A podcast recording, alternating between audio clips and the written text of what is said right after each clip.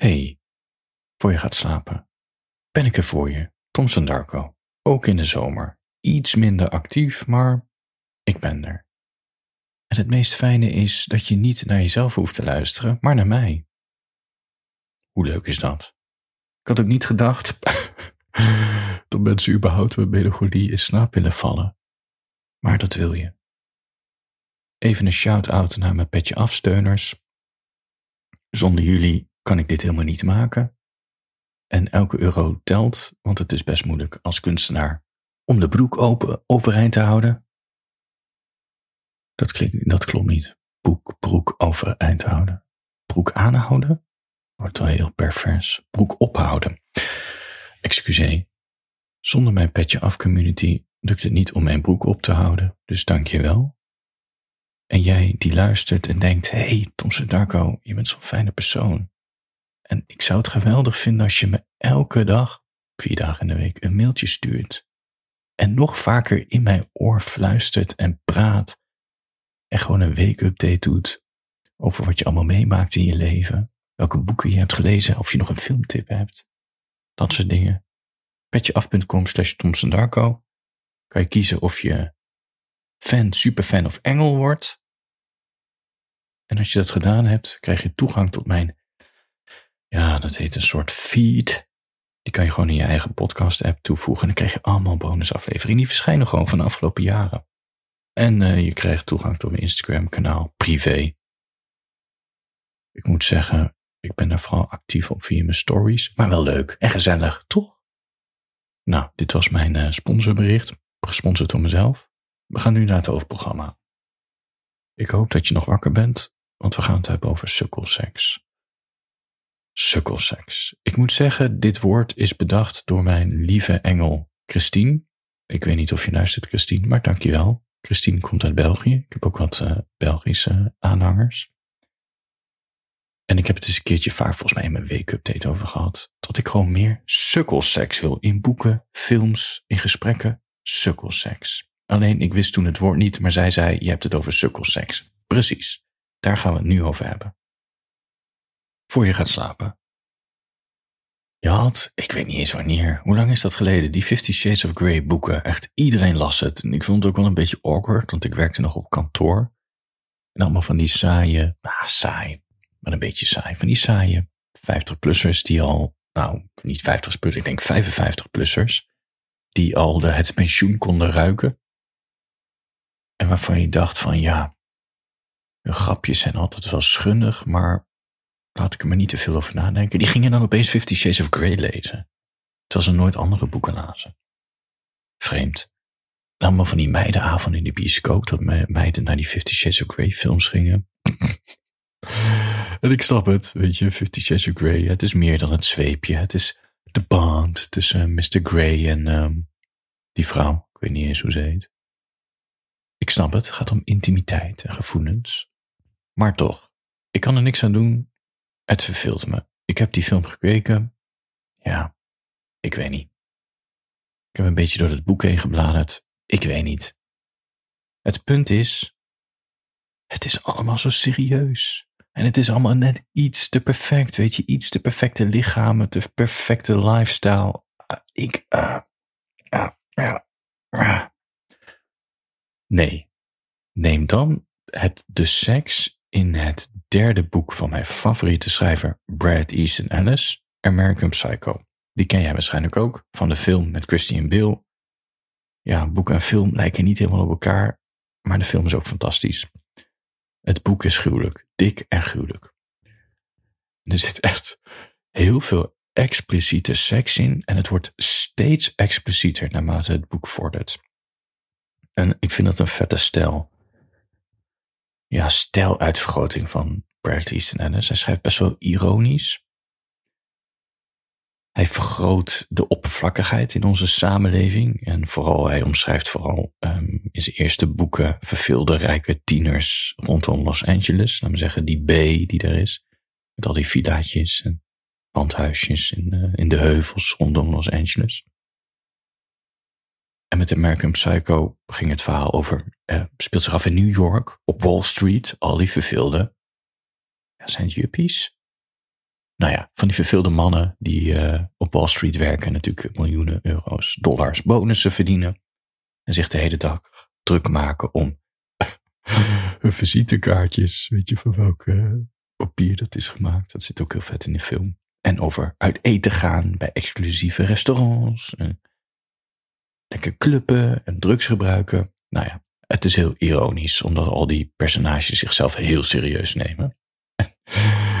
en die seks wordt steeds vreemder. Want die Patrick Bateman, de hoofdpersoon, die heeft zoveel walging voor de rest van de wereld, dat hij besluit te gaan moorden. Honden moeten eraan geloven, zwervers uiteindelijk ook. Vervelende collega's, uh, ja, van die meiden waarmee hij het bed deelt. En ja, als je op een gegeven moment toch besluit om iemand te vermoorden, waarom zou je dan ook niet gewoon het lijk neuken? Want het is nihilisme, hè? Nihilistisch. Het moraal, ja, als je een aan hebt, waarom vermoord je ze niet? Dat is, dat is nihilisme. En ja, als je ze vermoord hebt, waarom zou je het lijk dan ook niet neuken? Nihilisme. Nou ja, ik moet zeggen, de eerste keer dat ik dit boek las, ik ben gestopt toen er een lijk aan moest geloven. ja, het was echt heel smerig. Maar ik vond het wel heel goed bedacht. En ja, je moet ook als kunstenaar een beetje de, de regels oprekken die er zijn, toch? Dat waardeer ik. En jou, maar dat is niet de seks waar ik het helemaal over heb. Fifty Shades of Grey verveelt me. Seks uit, uit American Psycho. Vet, die twist. Maar nee. Ik heb laatst het derde boek van de Ierse schrijfster Sally Rooney gelezen. Sally Rooney. Ik weet niet of je haar kent. Zo niet, schaf het boekje Normal People aan. Een paar jaar geleden was een grote hit en terecht. Het gaat over dat boek Normal People. Over twee hoogbegaafde mensen. Ja, een beetje een nadeel hoor. Hij is populair, zij is een beetje de nerd. Um, ze hebben een beetje een gekke relatie. Dan op college of de universiteit, ik weet niet hoe dat precies heet in Ierland, ontmoeten ze elkaar weer. Zij is nu de populaire door haar intelligentie, omdat ze het lukt uh, om dingen te bereiken in haar leven. En hij is een beetje, volgens mij heeft hij niet eens zijn studie afgemaakt. Hij sukkelt een beetje door in het leven. Hij is niet meer zo populair als op de middelbare school. De rollen zijn omgedraaid. En ze draaien een beetje om elkaar heen. En het gaat, ja, het, is echt, het gaat over intimiteit en over onuitgesproken band die je met elkaar hebt. En zij heeft ondertussen een andere relatie. Hij sukkelt tot aan. Ja, het is een mooi boek. Normal People. Lees tip van Thompson Darko. Anyhow, ze heeft een derde boek. Het derde boek heet Prachtige Wereld. Waar ben je? En er zit best veel seks in. Ja, er zit altijd wel seks in haar boeken. En ja, ik weet eigenlijk niet of er nu meer seks in zit dan normaal. Doet er ook niet toe. Maar het is lieve woorden fluisteren seks. En ik snap wat Sally probeert te doen.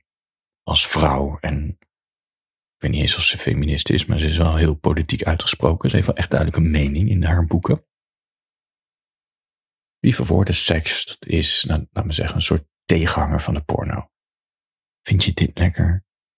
Mag ik dit doen? Mag ik dat zeggen? Mag ik op je billetjes slaan? Mag ik aan je haren trekken? Mag ik je pijpen? Allemaal heel lief. Heel lief en zoetjes. En ze zaten beiden aan elkaar. Er was een kreun en een zucht. En klaar is Kees, volgende hoofdstuk. Het spijt me om te zeggen, maar.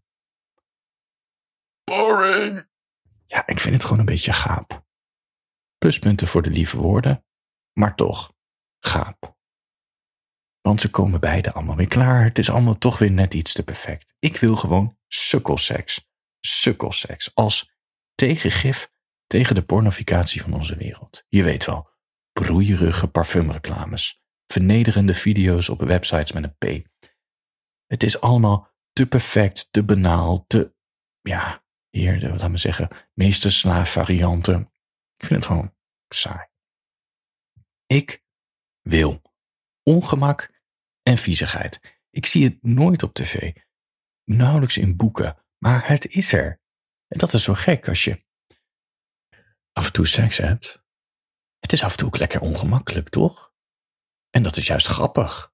Ik wil gewoon dat je wakker wordt naast de jongen of meisje en dat je een beetje schaamt voor die vieze smaak in je mond en die ander je toch begint te zoenen en je zit al te zoenen en dan denk je, oh, maar ik stink zo in mijn mond of die ander stinkt. Maar je gaat gewoon lekker door met zoenen. Dat. Ja, of dat je iets te veel gedronken hebt en dan, uh, ja, laat me zeggen dat je, dat je piemel, piemel, je lul, dat hij niet echt vol stijf wordt. Of dat je niet klaarkomt. En dat kan door alcohol. Sukkelseks. Of een vagina die niet echt, oh, zo'n kutwoord, vagina, de kut. De kut die niet echt nat wordt, door wat voor reden dan ook. Of zo'n heel irritant gekraak van het bed. Gewoon dat je niet kan negeren. Dat je echt moet stoppen en denkt, wat is dit? Ik ga zo nog een filtje onder die poten doen. Of een kussen tussen de muur en het bed doen om dat geluid te laten stoppen. Snap je? Sukkelseks. En ik wil best wel een stap verder gaan. Gewoon een vrouw die elke keer een blaasontsteking krijgt als de man in haar klaarkomt. Maar ja, zonder condoom, dat is ook weer zo wat. Dat. Of een vrouw die gewoon van de man eist dat ze eens een keertje hard wordt aangepakt in bed en dat die man dan in huilen uitbarst. Dat niveau. Gewoon sukkelseks, ongemakkelijke seks, sukkelseks. Omdat de wereld niet perfect is, maar ongemakkelijk. Laat me zeggen, de eerste keer dat je echt een feestje had als tiener, kan je dat nog herinneren? Dan sta je dan met de lampen uit in een gymzaal aan de zijkant, een beetje te loeren naar elkaar, terwijl er zo'n soort pompende beat de zaal in wordt geblazen. En ja, ik zie dan toch die basketbalring uh, aan de muur hangen. Volleybalstrepen op de grond. Ik zie groepjes meiden die in een soort cirkeltje met elkaar jazzballet aan het spelen zijn. En heb je al die jongens, die staan aan de zijkant met een bekertje prik in de hand, klodders gel in hun haar, nul emotie in hun gezicht, maar wel acht puisten op hun huid. Dat, gewoon de desillusie van het leven. De wereld is niet perfect, de wereld is ongemakkelijk. Ik zie het elke dag om me heen en ik zie het niet terug in parfumreclames, boeken, films, de verhalen die mensen uitwisselen. Ik wil gewoon meer ongemakkelijke verhalen, zodat we ons allemaal weer normaal voelen. En sukkelseks voor je gaat slapen. Misschien is sukkelseks wel de beste seks die je kan hebben, omdat je de beide om kan lachen. En als je de beide om kan lachen, dan weet je dat het goed zit. En het is zo maf, want in de liefde wil je juist expres perfect zijn voor de ander, zodat de ander niet jouw minpunten ziet en wegloopt, want daar zijn we bang voor. Terwijl juist de imperfecties en al je onzekerheden en de dingen, ja, dat is juist wat jou zo aantrekkelijk maakt. Dat is juist wat soort verhechting, die kwetsbaarheid. Die, dat wat je een mens maakt. Dat waar je mee kan banden. Dat is tussen de lakens niet anders. En het lijkt me ook vrij gezond om je niet al te druk te maken over je. Ja, moet ik zeggen? Heet dat stramine? Ik weet niet eens hoe dit heet. Bij je borst en je billen als die te snel gegroeid zijn in je tienertijd. Van die strepen. Stretches? Stretch marks. Het spijt me om te zeggen, maar stretch marks. Echt aantrekkelijk. Ja. Waarom zou je ervoor schamen? Ik vind het juist heel menselijk en heel mooi. Het maakt juist een lichaam mooier. Echt die perfectie, het is het saaiste wat er is. En de reden dat ik dit nu zeg, dat de jonge generatie heeft minder seks dan de generaties ervoor. Seks is nu overal en via die dating apps ligt het voor het grijpen, maar op een of andere manier worden we er heel onzeker van. En gaan we het juist uit de weg. We durven niet meer. En dat snap ik. Als je die beeldcultuur van seks als standaard ziet, het is zo zonde. Seks is juist gewoon lekker proberen. Niemand weet wat hij aan het doen is. Rommel lekker aan, joh. Zeg af en toe van, hé, hey, gedraag je niet als een, uh, als een uh, luchtbedpomp. Doe eens even liever. Aai me ook eens af en toe. Zoen me even. Hè? Het gaat niet om het klaarkomen. Het gaat ook gewoon een beetje lekker aanrommelen. Doe het vanzelf leuker. Gewoon een beetje plezier hebben. Gewoon een beetje lachen. Een beetje dingen proberen. Lachen om een piemel die half stijf wordt. Lachen om stretch marks. Voor je gaat slapen. En misschien is dit wel Ik ga nu even een anekdote vertellen van een goede vriend. Misschien zijn we daarom al wel goede vrienden. Hij was maanden verliefd op een studiegenootje. Echt, echt hotel de botel verliefd. Hij hield, hij hield gewoon niet op met praten over haar. Wat heel grappig is, dat opeens die nuchtere, relaxe, niet zo praatgrage vriend opeens honderd uitpraat over een meid. En hij, hij pakte het serieus aan. Dit was echt voor de serious business. Eerst had zij niet zo interesse in hem, maar uiteindelijk. Ze begon in te zien dat hij ook wel leuk was en dat hij echt zijn best deed. Ze weer een drankje doen, even naar de film, een koffietje drinken, gewoon heel rustig aan. Aanpakken. Beetje zoenen, verder niks. Ja, en toen kwam een moment. Ze hadden bij hem thuis afgesproken in de avond en ze zou blijven slapen. Ja. Dan weet je wat er gaat gebeuren. Dan weet je wat er gaat gebeuren. Lekker op de bank, wijntje inschenken, muziekje op de achtergrond, beetje praten over, ja, we zouden het over gehad hebben. Hmm, voetbal of zo. Weet ik veel, over feminisme. Ga je een beetje zoenen. Ga je een beetje voelen. Eén voor één die kledingstukjes uit. Shirt, BH. Zijn shirt, zijn hemd, als hij dat heeft. Ja, en dan komt het moment, moment suprême. Dat je in elkaar gaat zitten, hangen. ja, het, hij was al, hij kwam, laten we zeggen, na drie stoten. Ik denk niet eens dat je het een stoot kan noemen. Kwam die al klaar. In het condoom, zo was die ook. Wat een desillusie. Heb je maandenlang er naartoe gewerkt? Eindelijk ben je na drie keer al klaar. Binnen een halve minuut. Wat een desillusie. Suf. Klein beetje schaamte. Maar, en ik moet zeggen, dit, dit is. Ja, ik weet niet. Ik vind het gewoon.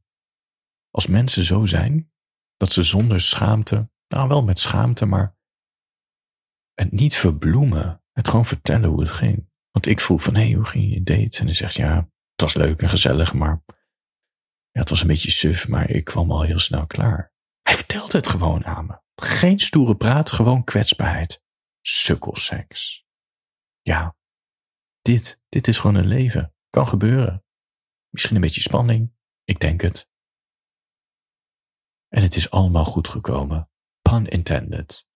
Tien jaar later, ze hebben een hypotheek, kinderen, ringen om elkaars vinger. Het is allemaal goed gekomen. Misschien juist wel door die sukkelseks. Dat je weet van, hé, hey, ik kan bij die ander gewoon mezelf zijn en als het niet helemaal lukt, is het nog steeds oké.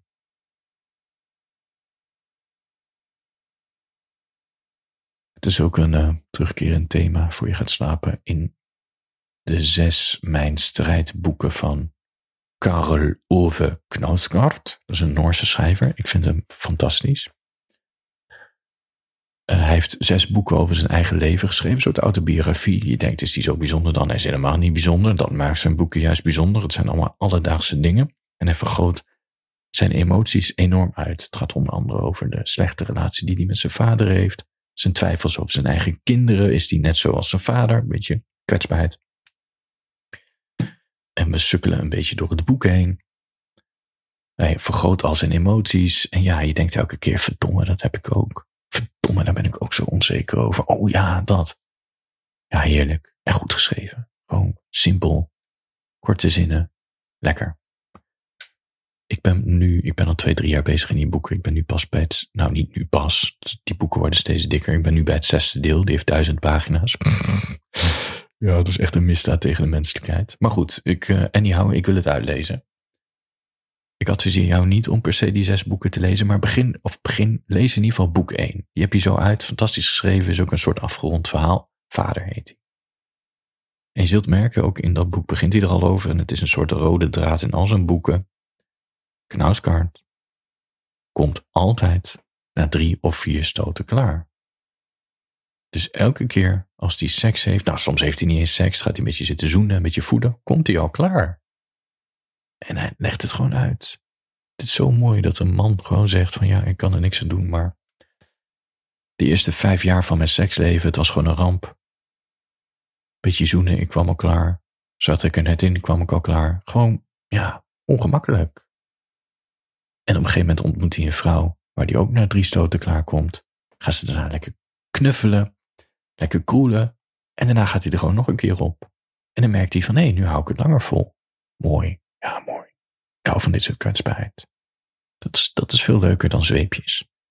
En perfecte kreuntjes. En uh, het penetreren van een lijk.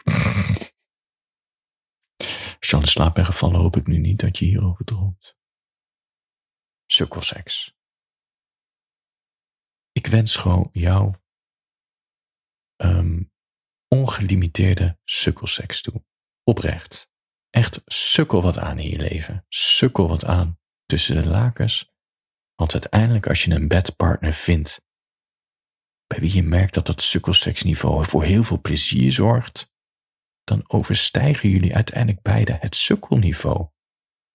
Vanuit die kwetsbaarheid ga je ontdekken wat de een lekker vindt, wat de ander lekker vindt, wat leuk is. Je schaamt je veel minder, je probeert veel meer en ja, dan heb je uiteindelijk gewoon intergalactische avonturen tussen de lakens. En stap 1 is sukkelseks. Ongelimiteerde sukkelseks. Ik gun het je van harte. Handjes boven de dekens. Vergeet je niet te abonneren voor, voor nee, ik mag, nooit, ik mag in de marketing niet meer zeggen. Mensen willen niet meer, mensen willen anders. Wil je een andere kant van mij zien als Tom Darko met mijn persoonlijke verhalen over mijn leven? Mijn gedachtegangen, meer inzicht in melancholie. Er zit een heel archief met meer dan 800 mailtjes. Hoef je allemaal niet te lezen, maar je kan bijvoorbeeld een onderwerpje intikken. Bijvoorbeeld liefdesverdriet. Krijg je allemaal mails die ik heb geschreven. Van fictie tot essays tot filosofie. Of carrière, werk, burn-out, dat soort dingen. En jou, petjeaf.com slash Thomson Darko. Voor uh, de ultieme Thomson Darko ervaring. En zo niet, dankjewel voor luisteren. Je kan ook een boekje kopen. Ik heb ook fictieboeken geschreven. Hoe moet ik nou zeggen? Slaap lekker heb ik al gezegd, toch? Nou ja, handjes boven de dekens. Morgen een nieuwe dag. Slaap lekker.